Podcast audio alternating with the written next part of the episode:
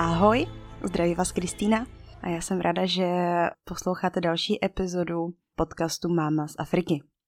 Dneska to bude na téma trošku drsnější. Dostala jsem ho na zakázku, tímto zdravím můj kamarádku Aduš. A bude to tedy na téma ženská obřízka. Tímto bych ráda upozornila maminky, který pouští třeba moje podcasty svým dětem na dobrou noc, jelikož jsem nahrávala africké povídky, tak aby v tomto případě podcast stopli, protože opravdu není vhodný pro děti a mladistvé. Tak a jdeme na to. Ze začátku bych se ráda vyjádřila k nepřesnosti názvu. Ono se tomu sice říká ženská obřízka, používá se to i v tradičních společnostech, kde, kde se to praktikuje. Nicméně dle Světové zdravotnické organizace eh, je nesprávné to nazývat ženskou obřízkou, ale z anglického názvu se tomu říká Female Genital Mutilation, což znamená mrzačení ženských genitálí. Takže by se tomu správně tedy mělo říkat mrzačení ženských genitálí. To jen tak na úvod, abych tedy opravila mé eventuální nepřesnosti, co v tomto podcastu budu říkat. Já tomu mrzačení ženských genitálí říkat nebudu, já to takhle nazývat nebudu v dnešním podcastu, budu tomu nadále říkat ženská obřízka, protože jsem na to za tak zvykla, tak to znám a bude to takhle i pro mě jednodušší o tom se vůbec jakoby bavit a vysvětlovat to. Tak, eh, určitě, určitě bych vám chtěla říct, že jsem vlastně tento celý podcast dělala ze zdrojů eh, Světové zdravotnické organizace, která se této problematice věnuje nejvíce. Vlastně tento celý podcast je takový rezume několika, několika důležitých dokumentů, které jsou volně k nahlednutí na internetu. Tak kdo by chtěl dále se o to ještě víc zajímat, tak určitě mrkněte na Světovou zdravotnickou organizaci a máte tam prostě všechno, všechno vysvětleno, máte tam i dokumenty, jsou tam teda určité, i, jsou tam určitě i fotografie, takže kdyby vás to zajímalo opravdu do větších detailů, tak se mrkněte na tady tu stránku, na tady tu organizaci. Důležité pro mě je zmínit postoj Světové zdravotnické organizace, vůbec jak na tuto problematiku nahlíží a vlastně co se, co se s touto problematikou dělá. Tak určitě tedy Světová zdravotnická organizace eh, praktiku ženské obřízky odsuzuje, Vnímá to jako porušování lidských práv, toho důvodu, že vlastně ženská obřízka nemá žádné pozitivní vlivy na lidské zdraví a pouze škodí. Je, je to věc, která není odůvodnitelná z lékařského hlediska. Vlastně to, co prostě ty tradiční společnosti tím, že nám dělají, tak proto není žádný důvod. Je to opravdu jenom na základě nějaké tradice zvyků a nějakého vlastně postoje té dané komunity. Jedním z cílů Světové zdravotnické organizace je, že chce vlastně praktikování ženské obřízky ukončit do roku 2030, což se to různým aktivistkám zdá nereálný. Jsme rok 2020 a vzhledem k tomu, že na to je ještě nějakých dalších 10 let, tak to je vlastně s porovnáním s tím, jak se to dlouho praktikuje, tato, tato tradice, tak je to opravdu nereálný cíl a z hlediska, z hlediska dlouhodobého to vypadá, že opravdu se to, jestli vůbec se to někdy ukončí, tak to bude opravdu až za nějakou delší dobu. Určitě ne za těch deset let, které bylo zmíněno. Dobře, tak než začnu úplně uh, tedy popisovat, co to je ta ženská obřízka, tak uh, tady bych ráda zmínila, kde se tato praktika provádí. Takže provádí se uh, momentálně v 28 afrických zemích, Dle statistiky, kterou mám vlastně teďka před sebou, byla udělána vlastně na vzorku žen od 15 do 49 let a udává, že v Somálsku tedy v Somálsku je 98% žen obřezaných, v Gvineji to je 97%, v Džibutsku 93%, Sierra Leone 90%, ta, takhle vysoká čísla nadále jsou i v Mali, Egyptě, Sudánu, Eritreji, Burkina Faso a Gambii. Takže to je takový výčet vlastně eh, nejvíce postižených zemí, kde vlastně tady ty praktiky skoro v 100% jsou prostě praktikovány na, na místních ženách. Jinak mimo Afriku je tato ženská obřízka praktikována i v Jemenu, Iráku a třeba Indonésii nebo v Indii. Tak a teďka jdeme teda k samému pojmu ženské obřízky. Co je určitě důležité říci, je tedy, že ženská obřízka rozhodně není dělána z nějakých eh, lékařských důvodů. Je to pouze tradiční praktika, která odstraňuje část či celé vnější ženské genitálie. Já bych se určitě zastavila i u trochu i u toho pojmu tradice. Co to vůbec je? Proč to hraje tak strašně důležitou roli u této praktiky ženské obřízky? Takže tradice jsou jakési zvyky, hodnoty a víra určité komunity, které ovlivňují chování lidí. Tradice jsou předávány z generace na generaci a velice těžko jsou měněny. Jo, to je prostě strašně důležité podle mě zmínit, jelikož to do určité části vysvětluje, proč se ženská obřízka praktikuje až do dneška. Jo, proč to vlastně nebylo ukončeno v minulosti, nebo proč vůbec je to tak strašně náročné to ukončit, toto praktikování. Takže tradice hrají strašně důležitou roli. Tradice jsou hluboce zakořeněny v lidském jednání. A co je nejhorší, je, že lidé jsou přesvědčeni, že konají správně. Jo, no vlastně, když se tradice přenáší z generace na generaci a žijete v tom od dětství, tak vás vlastně nikdy ani nenapadne přemýšlet nad tím, že by něco mohlo být trochu jinak.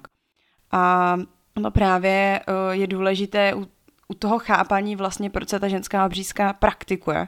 Protože ty ženy, které jsou obřezané, nevidí důvod, proč by to tak nemělo být. Je to tradice, buď to vlastně jim to bylo vykonáno, když byly uh, miminka nebo v průběhu věku, ale prostě to vidí všude kolem sebe a přijde jim to důležité, aby to taky tak měli. Jo, k tady ty části ještě k tady tomu jakoby chápání nebo této procedury, proč se to stále praktikuje, se budu věnovat ještě ke konci, ke konci tohoto podcastu, ale přišlo mě důležité to zmínit už takhle na začátek, abyste si vlastně uvědomili, na jakém základě vlastně ta ženská obřízka je stavěna. Tak, tím jsem už trošku nakousla věk žen, kterým se tato praktika dělá. Věk na, na tuto proceduru není stanoven. Záleží to podle kmenu. Některé kmeny to dělají holčičkám hnedka po narození, v, v prvních týdnech po narození, některé kmeny to dělají při dospívání, některé kmeny to dokonce dělají až při uh, otěhotnění nebo po porodu. Některé kmeny to dokonce dělají dospělým ženám, který se o to, který se o to zažádají. Takže opravdu není stanovena nějaká věková hranice pro provedení ženské obřízky. Kdo ji vykonává? Tak jelikož eh, stále zmiňuji, že to je tradice, eh, je to prováděna, je to praktika prováděna vlastně v tradičních společnostech, tak jsou to jednou staré ženy, které jsou zároveň porodními bábami v dané komunitě. Ve společnosti mají tyto ženy vysoké postavení. Praktikování této ženské obřízky je jejich zdrojem příjmu. Takže to je další takové vysvětlení i toho, proč eh, tato praktika není na ústupu, protože se určitá část společnosti tím přivydělává. Tak, kdybych šla do základní definice ženské obřízky, tak je to tedy částečné či kompletní odstranění vnější části ženských genitálí. No a teď pozor, eh, jak se tato praktika vlastně vůbec eh, dělá. Jelikož jsem už zmínila, že se jedná o tradiční provádění, tak určitě nehledejte nějaké lékařské ošetření. Tradiční praktikování ženské obřízky se provádí bez lékařských nástrojů. Eh, většinou se k tomu využívají žiletky, různé nožíky, sklo a v tedy nejvíc úplně hardcore případech eh, jde o ostré kameny, což jsem tedy našla, že to se děje převážně v Jižním Sudánu. Šílené na tom je, že nástroje nejsou nějak dezinfikovány, a když daná žena, která tuto praktiku vykonává, ten den má vlastně na starosti více holčiček, tak používá většinou ten jeden nožík, žiletku nebo cokoliv si k tomu vezme a nějak eh, důkladně to, to nedezinfikuje. Takže pak samozřejmě si umíte představit, že hrozí riziko nějaké infekce a, a zanesení různých nemocí, jako třeba AIDS a další nemoci, které se přináší krví. Nepředstavujte si, že by se aplikovala nějaká anestezie. Holčičky jsou většinou drženy velkým množstvím žen a dočetla jsem se, že tato, tato praktika trvá v rámci 15 až 20 minut. Jinak zákrok je tedy ukončen tím, že je rána ošetřena po té tradiční stránce je ošetřena nějakým alkoholem či citronovou vodou a častokrát jsou nohy holčiček svázané, dokud se rána nezhojí. Což je vlastně taky další problém, že jo, protože vlastně umíte si představit v tom vlhku a horku, kde se to provádí. Teďka vlastně, když to ta rána dostatečně není větrána, tak taky pak to způsobuje to, že se tam zanáší různé infekce postupem času. Takže to byl takový jakoby stručný úvod k tomu, abyste si představili, co to ta ženská obřízka je, jak se provádí, kým se provádí, kde se provádí a z jakého důvodu se provádí, k tomu se dostanu postupem času. Teď teda bych určitě přišla k těm hlavním typům ženské obřízky. Jsou tady takzvané čtyři typy ženské obřízky, od toho v uvozovkách nejmíň závažného k tomu nejzávažnějšímu. Takže prvním typem ženské obřízky dochází k pouhému odstranění kůžičky na klitorisu či části klitorisu. Druhým typem dochází k odstranění celého klitorisu a malých pisků. Třetím typem ženské obřízky která je nejvíce praktikovaná, především v Sudánu, v Somálsku, v Egyptě, Jemenu a Iráku, tak to dochází k odstranění klitorisu, malých a velkých pisků a dochází k zašití poševního vchodu s, malý, s malou dírkou na odchod menstruační krve. No, takže vlastně dochází k tomu, že veškerý vnější ženský genitál je vlastně odstraněn a zašit. Já jsem se dívala teda na, na fotky, když jsem celá uh, si vlastně tady podklad k tomuto podcastu a opravdu to není krásný pohled. Nejhorší je, že když se tady to děje na malých holčičkách, tak při porodu vlastně žena musí být znovu naříznutá a pak se to znovu sešívá z, uh, jak k sobě. Takže to opravdu není, není hezký pohled. Potom je tedy čtvrtý typ, tato ženské obřízky tam u, toho, u tady toho čtvrtého typu jsou zmíněny spíše různé mutace zevních ženských genitálů. Buď to dochází k určitému znetvoření vagíny, popáleninám, znamená, že se záměrně popaluje klitoris, nebo se dávají piercingy, nebo se holčičkám vytahují malé pisky. To bych určitě teda nenazývala ženskou obřízkou, proto to podle mě Světová organizace změnila to názvosloví, protože ne, nevždy se vlastně jedná o odřezávání vnější části ženských genitálí, ale jedná se o jakési znetvořování, znetvořování vlastně vagíny. Tak, kdy tato tradice vznikla? Kde, kde jsou kořeny této tradice? Zatím není známo, kde tato tradice vznikla, Někdo si myslí, že to vzniklo ve starém Egyptě, někdo si myslí, že tato tradice vznikla při obchodu s černožskými otrokyněmi do Egypta, nebo až teprve po přílivu islámu v subsaharské Africe. A tady potřebuju zdůraznit, že praktikování ženské obřízky není vázáno na náboženství. Velké množství lidí si myslí, že tato praktika se provádí pouze eh, v muslimských zemích. Není tomu tak. Eh, je pravda, že asi převážné množství je prováděno v muslimských zemích, ale nejsou výjimky ženské obřízky, která se praktikuje v křesťanských zemích a v zemích, kde eh, jako ani jedno z tady těch hlavních náboženství není praktikováno a věří se pouze v přírodu a animistické, animistické vlastně náboženství. Takže zapamatovat důležité, praktika není vázána na náboženství. No a jaké jsou vůbec důvody k praktikování ženské obřízky? Proč se to vůbec dělá? Těch důvodů je relativně hodně. Určitě asi nejdůležitějším důvodem k praktikování ženské obřízky jsou důvody sociokulturní. V určitých menech se prostě věří, že dívka nebude plnohodnotným člověkem, když se jí neostraní klitoris. Je to jakýsi vstup do jejího ženství. V těchto společnostech se věří, že klitoris je něco, co žena mít nemá, je to něco, co pozbuzuje ženskou sexualitu, což není v daných společnostech žádané. Tím, že se vlastně uřízne ten klitoris, tak se dívka stává ženou a je takzvaně plnohodnotnou. Což znamená, že se může vdát, může mít děti a zastává rovnoprávné postavení ve společnosti. Pak jsem se dozvěděla, že někde se věří ve velice bizární věc. Někde se věří, že když jsou vidět při porodu ženy vnější ženské orgány, tak mohou člověka oslabit, způsobit smrt dítěte či manžela rodící ženy. Takže to je další důvod k tomu, aby, aby teda vnější genitálie byly odstraněni. V určitých společnostech se dokonce věří, že ženská obřízka zajistí ženské panenství před svatbou, což dodává na ústěhodnosti celé rodiny tak to dává relativně smysl. Opravdu jsou společnosti, které tedy věří, že když žena bude zbavena vnější části uh, ženských genitálí, a bude sešita, tak se tím vlastně zajistí uh, její, její panenství a vlastně bude provdána jako pana. A nebude se to muset nějakým způsobem dalším dokazovat. V některých společnostech pouze obřezané ženy se mohou vdát, což vlastně jakoby je, je určitým společenským tlakem na to, aby žena aby zapadla do té společnosti. Tady ta praktika je vždycky nějakým způsobem spojena se, se společenským tlakem. Tak a to souvisí právě s tím, co, eh, co jsem teďka říkala. Společnosti vyvíjí velký tlak na dívky, které mají strach z nepřizpůsobení se. Často o to dívky žádají sami, jakož se bojí, že by byly společnosti zavrženy. Což je dalším důvodem k tomu, proč se do dneška nedaří vymítit tuto praktiku.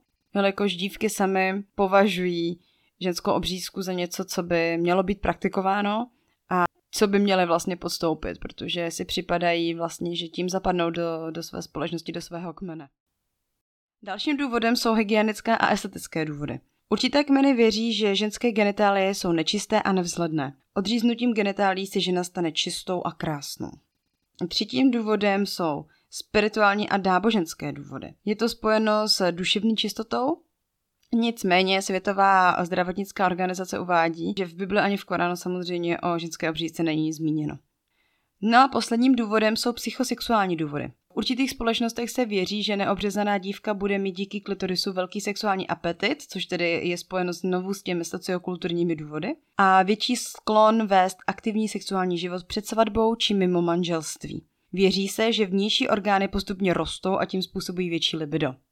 Dále některé společnosti věří, že zúžený vaginální vchod, což je vlastně typ obříz, ženské obřízky číslo tedy 3, kdy vlastně jsou odemuty veškeré vnější části ženských genitálí, což vlastně zahrnuje klitoris, velké a malé pisky, tak to zajišťuje zlepšený požitek ze sexu u mužů. Někde se dokonce věří, že ženská obřízka léčí neplodnost. Určitě vlastně, když mě posloucháte, tak eh, si říkáte, že toto všechno je vlastně praktikováno z důvodu nějakého uspokojení mužů. Určitě je dobré zmínit, že ženská obřízka se praktikuje v patriarchálních společnostech společnostech, které jsou řízeny muži a kde ženy vlastně nemají nějaké silné postavení. Takže proto vlastně ten důraz na tu předmanželskou čistotu, proto ten důraz na ten sexuální apetit vlastně mužů. I když je zase zároveň docela zajímavé říct, když jsem, když jsem vlastně si dělala průzkum, jak je na tom ženská obřízka dnes, tak je zajímavé říct si to, že dneska dokonce jsou i aktivisti mezi muži, kterým přijde tato praktikování ženské obřízky je nemorální. A sami dodávají, že to právě naopak nevede k eh, zvětšení libida sexuálního, ale naopak ke snížení. I oni zažívají vlastně při pohlavním styku s takhle obřezanou ženou bolest. Co se týče statistiky, tak je odhadováno, že k dnešnímu datu nebo k dnešnímu roku ženskou obřízku prodělalo až na 200 milionů žen a dívek což je asi množství, které se opravdu nikdo nedokáže moc představit. Je lepší zmínit, v jakých zemích eh, se teda ta ženská obřízka stále praktikuje a do jakých procent to, to narůstá.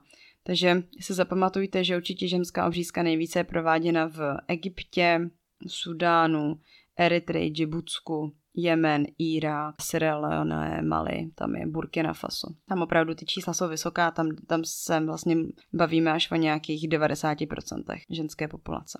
Přišla bych ke zdravotním komplikacím, jaké komplikace ženská obřízka způsobuje. Takže okamžitými zdravotními komplikacemi jsou neuvěřitelná bolest, zmoždění ženských genitálí, velké krvácení, které mnohdy může vést až ke smrti, šok, trauma, akutní zadržování moči, což k čemuž dochází především u malých holčiček, no a samozřejmě infekce. Dlouhodobými problémy jsou problémy s močením, časté záněty močových cest, záněty dělohy, neplodnost, tvorba nádorů, cyst a sexuální dysfunkce. Určitě je důležité nezapomenout na psychologické problémy, které vlastně praktikování ženské obřízky způsobuje. U žen to může způsobit úzkost, strach v dětství z prodělání ženské obřízky. Některé ženy praktikování ženské obřízky porovnávají dokonce se znásilněním. Až takový dopad tato praktika na ženskou psychiku to může mít. No a samozřejmě smutné je to, že ty ženy trpí skrytě, nemluví o tom a to je dalším problémem, že opravdu ženy, kterým byla ženská obřízka provedena, tak eh, se k tomu nerady vyjadřují, nerady o tom mluví a nerady to nějakým způsobem i řeší. Což také vlastně zpomaluje proces toho zabrždění uh, praktikování ženské obřízky. Řešení. Jaké může být tedy řešení vůbec, uh, jak ukončit tu ženskou obřízku?